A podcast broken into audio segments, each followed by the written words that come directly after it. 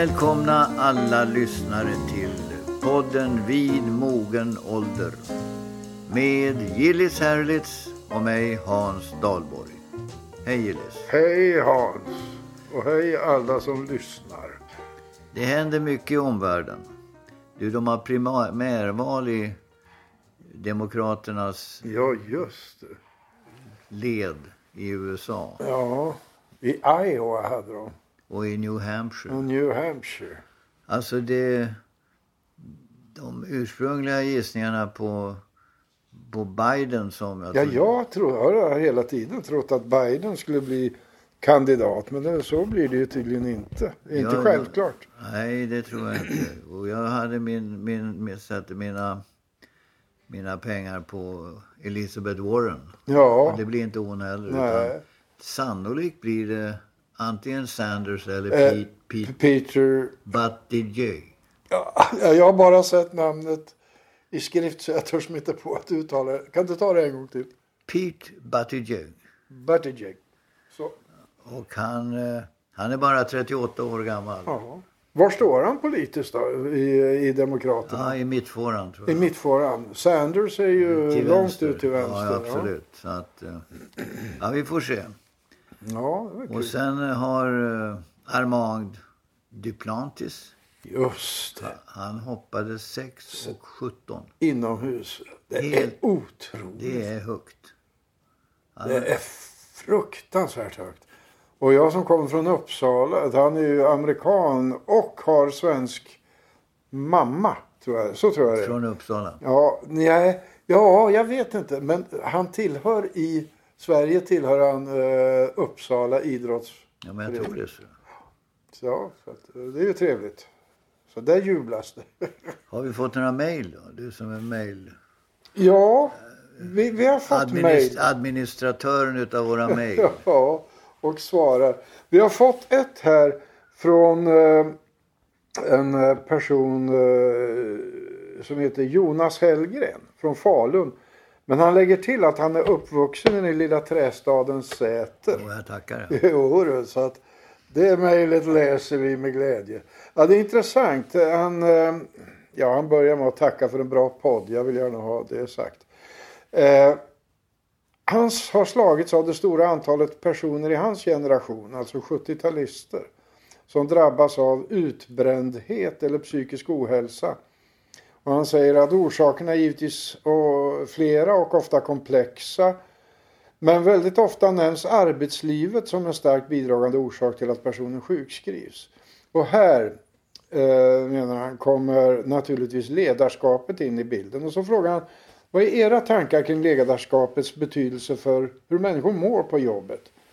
Hur människor klarar av att hantera press och höga krav? Så har han ytterligare en fråga. På, och det är på vilket sätt vi anser att arbetslivet har förändrats och också därigenom bidragit till ökad stress på jobbet. Ja, det, det är synnerligen komplexa frågor måste jag säga. Ja, men väldigt relevanta. Ja, synnerligen relevanta. Jag tror att man kan hoppa på nästan vad som helst. Men jag tror att känslan av otillräcklighet eh, ofta skapar frustration. Ja, In, inte, inte arbetet i sig utan att man inte känner att man hinner med det man vill göra. nej, och stress har man ju definierat sagt alltså att, att ha mycket att göra ger inte Nej. självklart utan det är när man tycker att man tappar kontroll. Just det. Det, Det det alltså, man tappar kontroll och därför en bra arbetsplats det är när man har inflytande på arbetet och på arbetsplatsen. Mm. Jag tror också att det är viktigt att man får ta eget ansvar. Människor mår bra av ansvar. Ja, Och, eh, men det kräver å andra sidan också tydliga mål, vad man vill åstadkomma. Och sen naturligtvis att ledningen har en uppfattning om vad som är realistisk eh, resursförbrukning så att man inte pressar människor för mycket. Jag tror att eh, de här stora teknikomställningarna har naturligtvis också skapat i, skarven så att säga, Ja. innan man vänjer sig vid den nya tekniken. Frustration hos dem som inte riktigt hänger med. ja, ja säkerligen. Det skapar ju också en oro, inte bara en frustration över att inte riktigt klara av utan en oro för att att man inte ska duga. Det vill säga jag vet att jag är rätt person idag men vem vet hur det ser ut imorgon. Sen, ja, absolut. Och sen är det det här att var och en tror jag vill känna stolthet över mm. det man håller på med. Absolut. Och eh, sen kan man ju säga de här fysiska arbetsplatserna. Ja, jag vet inte vad det, hur mycket det påverkar människan men det, man har ju helt gått över från rums eh, ja. till, till eh, landskap till exempel ja. på kontorssidan. Och det allra modernaste är att ingen har en fast arbetsplats. Nej, man har en liten hurts man hämtar så kör man iväg där det är ledigt. Om alla kommer till jobbet som, det, som är anställda så finns det inte plats för alla. Utan det här, det här vaknade man till med, körde igång i London för många år sedan. Man upptäckte på revisionsfirmor och mäklarfirmor att det var väldigt många som aldrig var där, inte var där för de var ute och reste och träffade kunder. Ja. Så de sa, ja, vi behöver inte ha all den här ytan för, oj, oj, som står oj. tom. Och eh, det, samtidigt eh, har vi ju samma princip i Sverige att man gärna får jobba hemifrån. Ja. Vilket i regel för arbetsgivaren innebär att man gör ännu mer än vad man skulle ha gjort ja, om man var på absolut. jobbet. Absolut, det är ju en konsekvens. Sen eh, Sen kan man då fråga sig vad, vad leder det här till? Ja, alltså, det skapar ju naturligtvis att få komma och gå som man vill, en väldig frihet. Det skapar också eh, samtidigt en individualism. Ja. Men, men, men det kollektiva inslaget, alltså träffa kompisar, sitta och prata på kafferasten blir det lite glesare med, skulle mm, jag tro. Alltså all forskning kring vad vi uppfattar som bra arbetsplatser lyfter ju upp detta. Känslan av gemenskap. Kamratskap på jobbet. Ja, alltså vi som tillhör den riktigt gamla generationen, vi hade ju rum ja, visst. Kontor, på ja, kontoret. Vi hade kafferaster gemensamt. Ja, Inte en kaffeautomat. Nej, just det. Och man kunde sätta upp en tavla eller lite grann på sin arbetsplats. Ja. Det går ju inte om du inte vet var nej, du sitter. Det blev, det blev ju som ett andra ja, hem. Nej, du har alldeles rätt ja, visst. När det gäller ledarskapet så är det naturligtvis eh, oerhört viktigt vad man har för chef. Alltså det är en väldig skillnad på, det har jag sagt förut i en tidigare podd. Att det är en väldig skillnad på att vara chef och att vara ledare. Ja. Chefer de får sina mandat uppifrån chefer är personer som man måste följa. Ledarskapet, det får, de får sitt mandat ifrån omvärlden. Just det. Och det är människor man vill följa. Mm. Det där ska ju helst sammanfalla. Ja. Men jag tror att rätt mycket av psykisk ohälsa och uh, otillräcklighet kommer utav att man har för dåliga, dåligt ledarskap. Ja, det, det är, men ledare är ju ofta, det är inte något lätt att vara eh, chef idag. Eh, alla chefer i stort sett har ju alltid någon chef över sig. Ja. Och man hamnar i kläm som mellanchef. Eh, mellan kraven från ledningen och önskemålen och, och så från de man har att leda. Men det är i alla fall i de här som svar på den här frågan, det här mejlet det tror jag är otroligt viktigt att man blir sedd. Blir sedd, ja. Sedd. Ja, absolut. Och att det farligaste finns, det som finns det är att man är likgiltig inför sin omvärld som ja, chef. Just det. Jag tror att, eh, att, att man blir arg eller missnöjd och, och talar om det, det är inte alls så farligt och liksom att man ger beröm. Men däremot att man bara nonchalerar ja, personer, ja. det tror jag är väldigt Nej, men det ligger en synlighet både i kritiken och berömmet naturligtvis.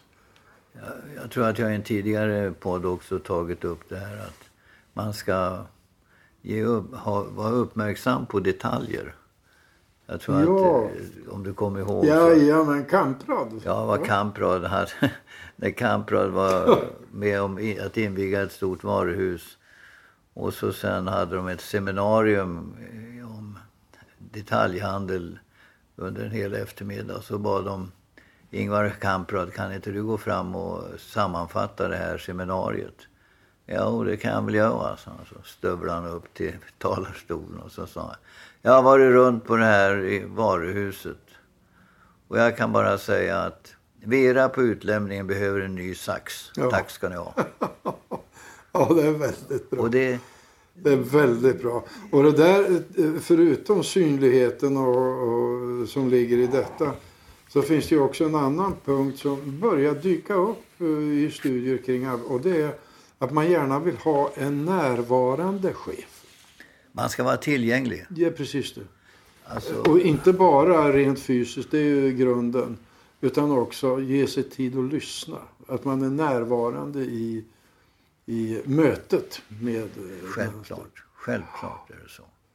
Eh, Studenter på Handelshögskolan frågar mig ibland så här. Du Hans, vad ska, vad ska jag välja för jobb? Och då lite skämtsamt kanske brukar jag säga ta ett jobb som du har en bra chef på. Ja, För att om du har en bra chef, Ja. har du en dålig chef, då kommer du ingen vart. nej, Du blir inte sedd. nej. Men har du en person som är engagerad i, ditt, i din utveckling så har du världens möjligheter. Ja, eh, mycket klokt råd tycker jag i och för sig. Men eh, ja, man kan ju också ställa sig frågan. Eh, den här utmattningssyndromet som du heter i modern terminologi. Om det bara har med jobb att göra. Jag vet, eh, en, en kvinnlig bekant jobbade på en AD med massa kvinnor. Och där gjorde man sådana här stresstester. Och det visade sig att de som var mest stressade, det var kvinnor runt 30. Och de var mest stressade mot slutet av arbetsdagen. För då dyker det upp tankar kring, eh, ska jag hämta på förskolan? Vad ska vi äta till mat, eh, till middag? Alltså, det är en komplex värld vi människor lever i. Jag tror inte alls att alla eh, stressfaktorer vi ser Nej, alltså, eh, har med arbete att göra. Utan det är, eh, och det, där tror jag det är viktigt att man faktiskt försöker analysera. Om jag själv skulle hamna i en sån situation, var har jag de värsta stressfaktorerna? nej, det är ju naturligtvis så att eh, när man sitter på en buss i Stockholm så sitter alla med en iPhone och tittar på någon video Ja. eller, eller lyssnar på några nyheter. Man är, hjärnan är ständigt uppkopplad. Ja, absolut. ständigt igång. Den Ja. vilar aldrig. Nej, det, det är sant. Och, eh, och det är ju stressande i sig. Man måste se alla underhållningsprogram. Man Ja. måste ha en kommentar till Ja. alla serier. Ja. Man måste hinna med på Facebook, på Instagram. När vi var, var, var i den åldern, då fanns det ett tv-program. Då var det Hylands hörna på lördagen och, och då kunde alla på måndag morgon snacka om det det. är precis så. Det är precis så. Och det var lugnare. Men eh, några andra stora skillnader mellan arbetslivet när vi var unga och idag? Ja, förutom eh, det du har talat om, om landskap och så. Jag tror, att, jag tror att man är effektivare nu. Man är effektivare nu. Ja, därför att det finns en, ett samspel mellan tekniken och människan som, som eh, fungerar väldigt väl. Men det är mera opersonligt.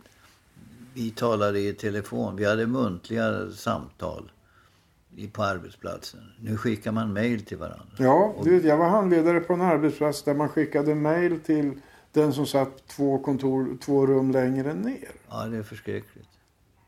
Och eh, man kan väl säga att man är mera rädd om tiden idag än vad man var när vi Ja, var yrkesverksamma. Så att eh, det, det har trissats upp. Hastigheten har ökat. Men det är inte bara på jobbet, det är ju samhälle och allting. Och det är ju naturligtvis en väldig förändring.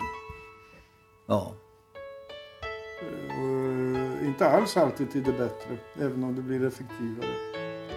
ja det, det här är ett ämne som man kan eh, borra i hur mycket som helst. Jag trivs bäst i öppna landskap Nära havet vill jag bo Men du, det här med etik.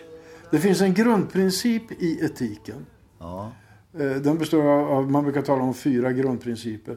Men en väldigt viktig är den så kallade autonomiprincipen. Det vill säga grundprincipen att varje människa ska ha rätt att fatta sina egna beslut i görligaste mån. Bestämma över sig själv och sitt liv i görligaste mån. Men det stämmer också med det här Ja, resonemanget. i väldigt hög grad. Ja.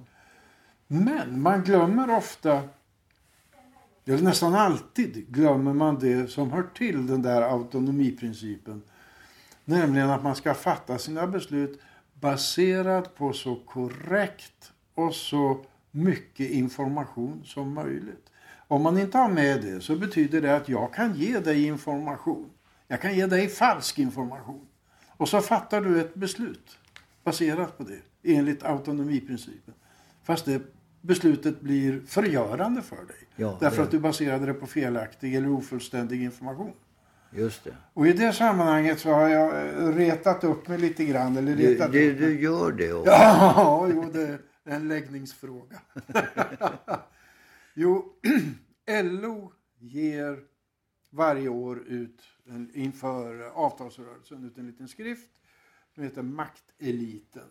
Och där braskar man på med information om skillnader mellan industriarbetare och eh, VD. VDR. Och man säger och så kommer det där i media sen, klyftorna ökar. Och en VD tjänar 61 gånger så mycket som en industriarbetare. Och, så vidare. och det som är intressant här, det är att den här informationen kan man ta till sig och basera sin, eh, sin hållning på det, om man vill. Men vad som görs här, det är att man jämför alltså med VDR i de 50 största börsbolagen. De, alltså medianlönen för VDR i Sverige ligger på 70 till 80 000 kronor i månaden. Det är högt. Jag försöker inte säga någonting annat. Men det är inga 61 gånger en undersköterskelön. Nej. Och de allra flesta företag eh, så, som har färre än 50 personer anställda så tjänar vdn väldigt, väldigt mycket mindre. Så jag, jag säger inte att den första informationen är felaktig. Men jag säger att den är ofullständig. Och ger felaktiga slutsatser. Ja, eh, to, bo, bör kunna göra det. Och man kan ju också ställa sig frågan, nu är ju LO politiskt så det är ju självklart att LO har ett politiskt budskap i sin informationshantering. Det är ju ingenting att diskutera. Så det är, felet ligger inte hos LO utan ligger hos oss eh, informationsmottagare som måste vara kritiska. Därför att eh, de jämför exempelvis inte lönen mellan en undersköterska och de 50 högst betalda byggnadsjobbarna. Det gör man inte. Och det är en väsentlig skillnad. Men det är båda inom LO-kollektivet. Så jag, jag säger som sagt inte att det är fel information som ges, men jag säger att den är mycket bristfällig. Det är inte den enda. Man, man måste eh, granska information noggrant och söka information. Så att man inte går, går, går i såna här enkla fällor, tycker jag. På tal om LO så såg jag nu att eh, vi har fler arbetslösa i januari 2020 än vad vi hade 2019. Ja, Inte, inte inga dramatiska ökningar men den ligger på drygt, arbetslösheten ligger på drygt 7 procent. Och Ja. eh, det är ungefär 380 000. Och av de här 380 så är det ungefär 165 inrikesfödda och eh, över 200 000 i eller eh, inrikesfödda och de andra 180 000 är Utrikesfödda. utrikesfödda. Ja. Och eh, då kan man fråga sig, arbetslöshet, den mäts ju då som ett statistiskt mått. Och man kan fråga sig, vad är orsakerna till det? Ja, det ena är naturligtvis Eh, otillräcklig efterfråga, arbetskraftsefterfrågan. Och då kan man fråga sig, vad beror det på? Ja, den klassiska teorin, den är ju att, den är ju att eh, det finns, arbetsgivarna vill inte till det pris de kan, måste betala anställa folk men skulle kunna tänka sig vid en lägre lön. Men den, den typen av teorier fungerar inte i ett land som Sverige som, som vill slå vakt om välfärden. ja, just det. Så vi är två, vi, det, det andra sättet att förklara det är via konjunkturer. och säga att vissa industrier vissa branscher är cykliska som bilindustrin, eh, eller, Stål. stålindustrin, pappersindustrin. Ja. Och att man då måste möta det med eh, konjunkturstimulerande åtgärder. Sen finns det något som heter friktionsarbetslöshet. Det vill säga att man kan ha lediga jobb och man kan ha arbetslösa som söker jobb. Men de passar inte varandra. Ja, nej, man passar inte ihop. Det uppstår friktion. Är det det man Just det, så att Jaha. man ska lösa den här friktionen. Ja. Det är utbildning. Så att man, de, Ja, de som är utan jobb kan klara de jobb som har står tomma. Eller att man sker, det sker rockader. Ja. Och den där friktionen, den, den är en absolut nödvändighet i ett modernt samhälle. Förr hade ju ma- regeringar, framförallt socialdemokratiska regeringar, som mål så sa man full sysselsättning. Ja, Det har man släppt nu för man inser att det går inte i ett, Aha. i ett samhälle som, som inte? snabbt ställer om. Så Aha. måste det alltid finnas någon form av ja, ja. fri, fri kvot så att säga. Ja. Det tar ju lite tid. Det tar ju tid att hitta ett nytt jobb. Det tar tid att flytta eller Ja, det ja. tar tid att utbilda sig. Så att den där friktionen måste finnas kvar. Sen finns det naturligtvis Ja, den är till och med av godo i eh, hanterlig skala. i hanterlig skala så är den, den oundviklig under Ja, all right. När det gäller, sen finns det ett tredje alternativ och det är att det är rent eh, strukturella stora förändringar som till exempel när varvsindustrin gick ner i Sverige på grund Ja, av just det. Just. internationell konkurrens. Det var, det, då måste man hitta helt nya lösningar. Ja, så att eh, begreppet eh, full sysselsättning, det är, Det är borta. ja, det är borta men däremot låg arbetslöshet Ja. och då med acceptans av en viss friktion, friktionsarbetslöshet. Och eh, jag tror att den här siffran som vi har nu, 7 procent, den, är, den, har, den har gått upp något men, men den är inte skrämmande. Den är inte alarmerande. Inte alarmerande, Nej. nej. Men det är väl klart också. Man, eh, om man nu som Sverige av goda skäl tar emot eh, flyktingar. Varav en, eh, en del i alla fall i sämsta fall saknar utbildning totalt och andra har en väldigt eh, bara basal utbildning. Ja, då kommer det att uppstå problem. Men när jag går runt i Sverige och tittar, när jag går runt i affärer jag går, så upptäcker jag ju att man har också strävat efter att digitalisera så mycket som möjligt för att skära ner och, eh, eller, eh, av olika skäl. Att förenkla och säkerställa. Och det betyder ju alltså att, att eh, det försvinner personal. Om jag går in på en bank exempelvis, Hans, Ja. som är din, dina gamla revir. Eh, Så när jag var ung så var det ju en eh, 10-12 kassor öppna. Och nu så står det en person som ska hantera alla som kommer in. Därför att man förväntar sig att folk ska sköta sina bankärenden hemifrån. Men hur ofta går du på banken?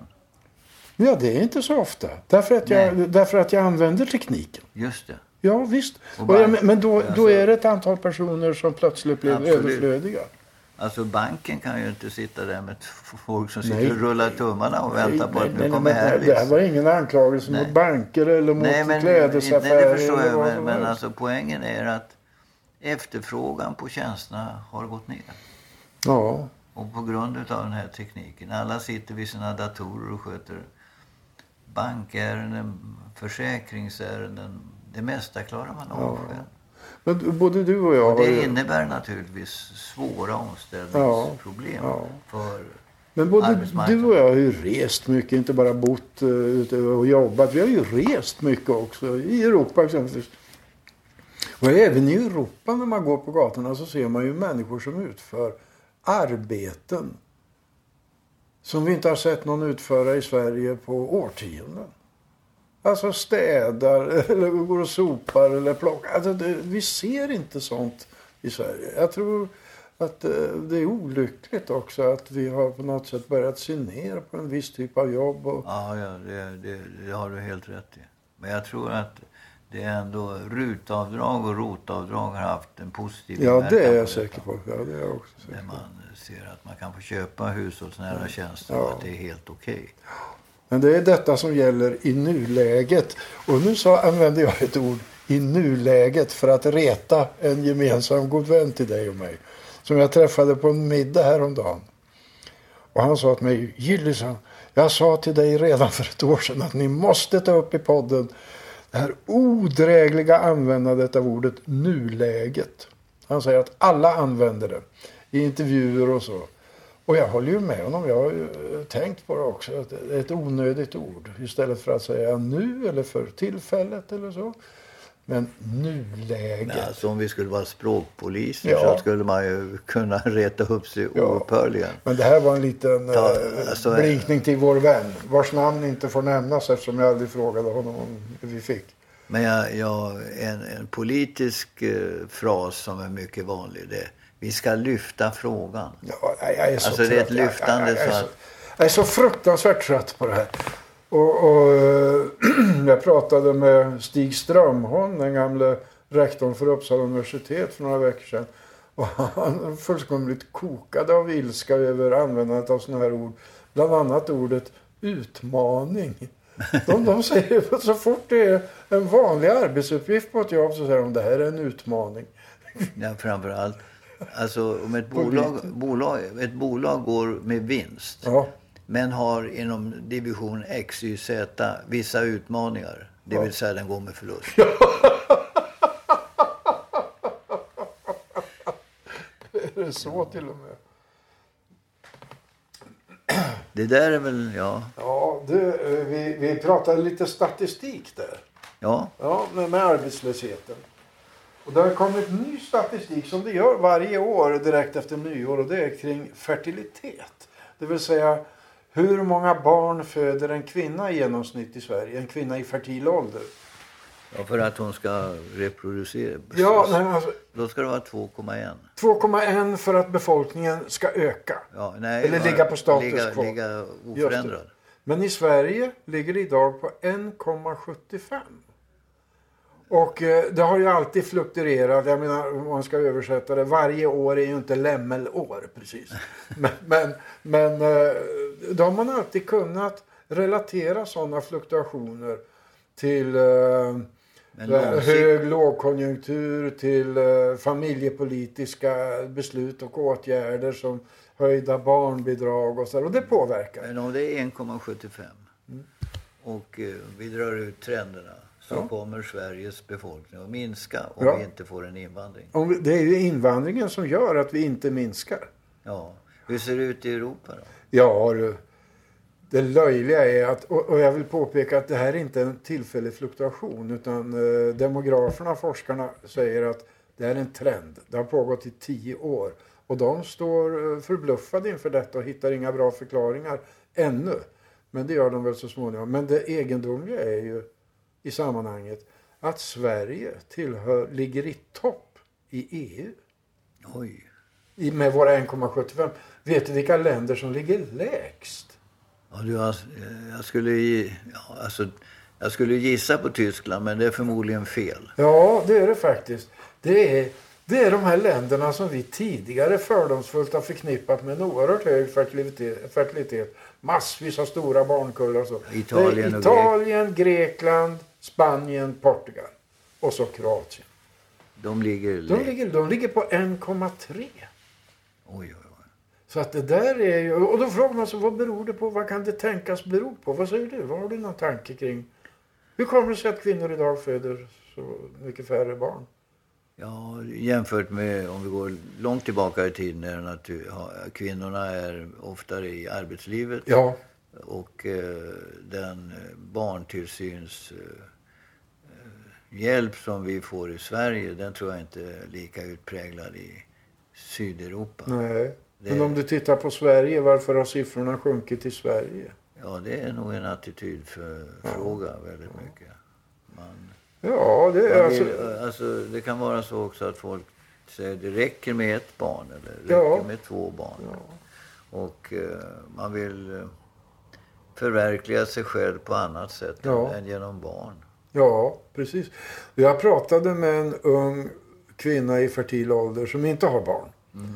Och hon sa, du måste förstå att normen är bruten. Det är helt okej att leva sitt liv utan barn.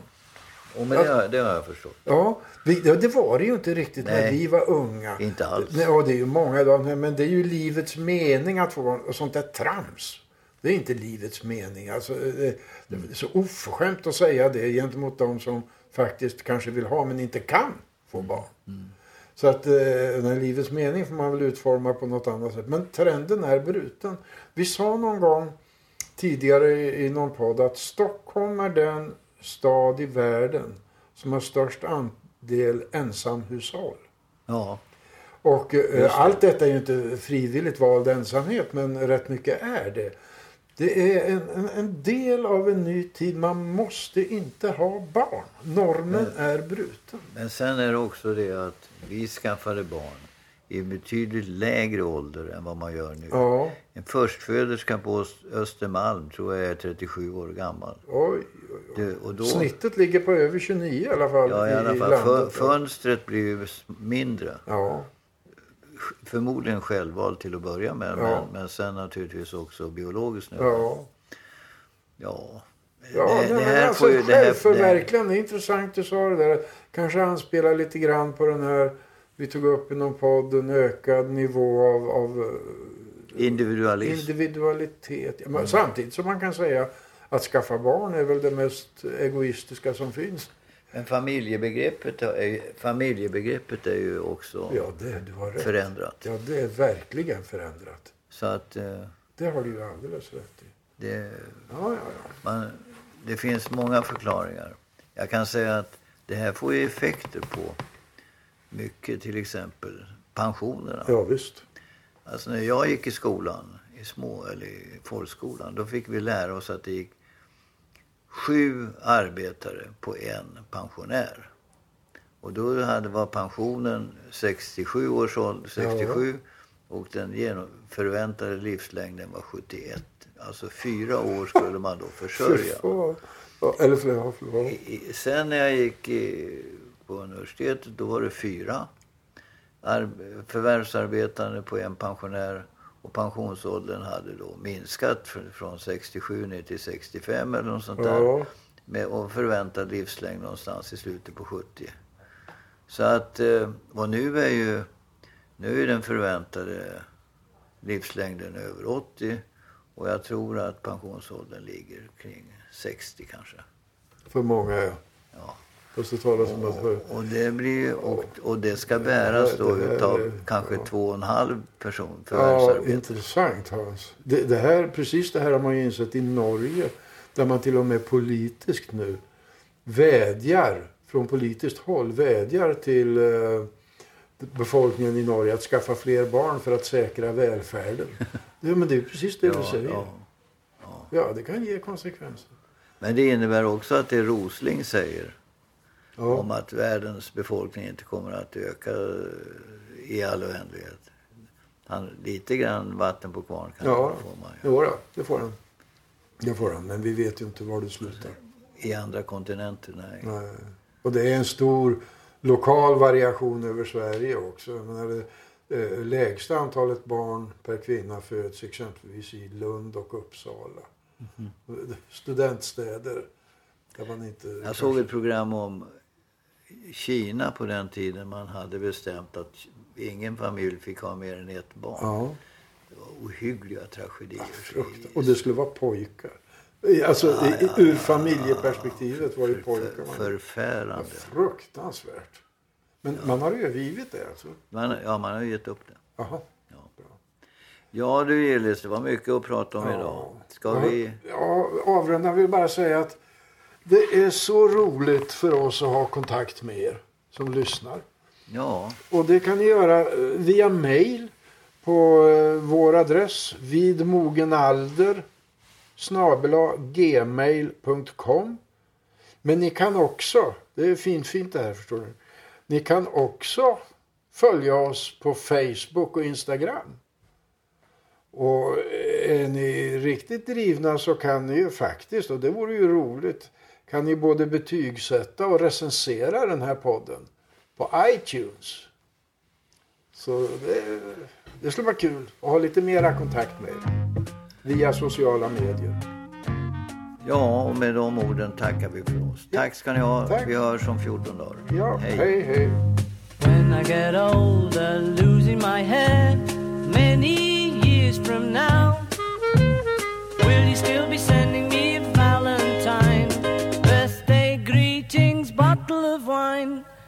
I'd been out till quarter to three, would you lock the door? Will you still need me? Will you still feed me when I'm